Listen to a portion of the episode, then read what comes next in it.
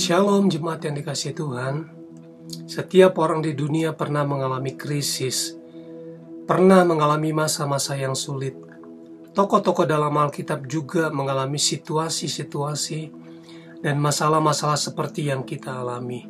Bahkan jauh lebih sulit dan lebih berat dari yang kita hadapi. Hari ini kita mau belajar dari Daniel. Saat Nebukadnezar, Raja Babel, menyerbu Yerusalem pada tahun 605 sebelum Masehi, Daniel adalah seorang remaja yang berumur belasan tahun.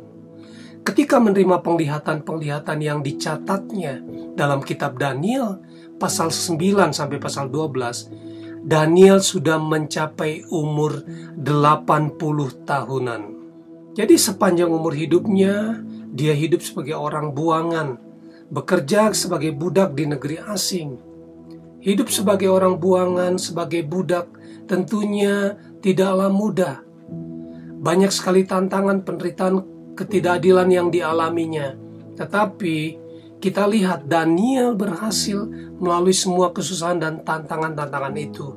Dia keluar jadi pemenang, bahkan lebih dari pemenang. Hidupnya diangkat dan dimuliakan oleh Tuhan. Hari ini kita mau belajar dari apa yang dialami Daniel. Dalam Daniel pasal 2, ada situasi yang sangat sulit yang dialami oleh Daniel dan teman-temannya. Satu malam Raja Nebukadnezar bermimpi. Mimpinya itu membuat hatinya gelisah dan ia tidak bisa tidur. Ia menyuruh memanggil orang-orang berilmu, ahli jampi, ahli sihir dan para kasdim untuk memberitahukan kepadanya apa yang dimimpikannya dan apa maknanya. Jika mereka tidak bisa memberitahukan apa yang dimimpikan raja beserta maknanya, maka mereka semua akan dipenggal kepalanya. Rumah-rumah mereka akan dirobohkan menjadi puing-puing.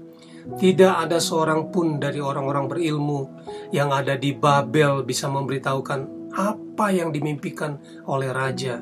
Raja menjadi sangat geram dan murka karena hal itu. Lalu raja memberi perintah untuk melenyapkan semua orang bijak di Babel. Ketika titah perintah dikeluarkan supaya orang-orang bijaksana dibunuh, maka Daniel dan teman-temannya pun terancam akan dibunuh. Dengan cerdik dan bijaksana Daniel menanyakan kepada Aryok, pemimpin pengawal raja, mengapa titah yang begitu keras dikeluarkan oleh raja? Setelah mengetahui jawabannya, Daniel menghadap raja dan meminta kepada raja, supaya ia diberi waktu untuk memberitahukan makna mimpi itu kepada raja.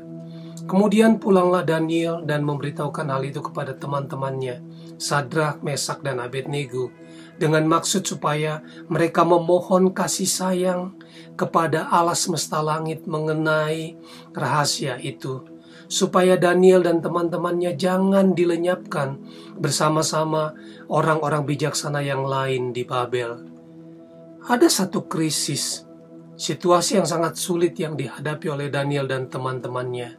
Nyawa mereka terancam, mereka mau dibunuh. Apa yang dilakukan oleh Daniel dan teman-temannya?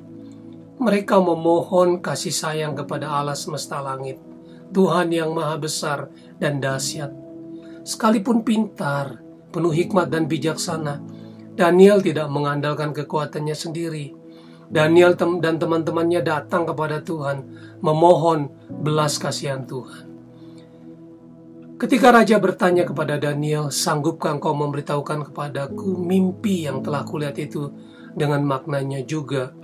Daniel menjawab kepada katanya kepada raja, "Rahasia yang ditanyakan tuanku raja tidaklah dapat diberitahukan kepada raja oleh orang bijaksana ahli jampi, orang berilmu atau ahli nujum. Tetapi di sorga ada Allah yang menyingkapkan rahasia-rahasia. Ia telah memberitahukan kepada Tuanku Raja di Nebukadnezar apa yang akan terjadi pada hari-hari yang akan datang. Daniel berkata bahwa tidak ada seorang pun yang dapat memberitahukan mimpi raja beserta maknanya, termasuk dirinya. Ini kebenaran yang sangat penting apa yang dikatakan oleh Daniel kepada raja bahwa di sorga ada Allah yang menyingkapkan rahasia-rahasia. Apa yang menjadi pertanyaan raja tentang mimpi berserta maknanya dijawab oleh Daniel karena Tuhan menyingkapkan rahasia-rahasia itu kepadanya. Pada akhirnya, Raja Nebukadnezar berkata kepada Daniel, Sesungguhnya Allahmu itu Allah yang mengatasi segala Allah dan yang berkuasa atas segala raja dan Allah yang menyingkapkan rahasia-rahasia. Dalam Daniel pasal 4, Raja Nebukadnezar menulis surat kepada segala bangsa, suku bangsa, dan bahasa yang ada dalam kekuasaan kerajaannya. Ia menceritakan bahwa karena kesombongannya ia menjadi sakit. Ia menjadi tidak waras. Ia diasingkan dari kerajaannya.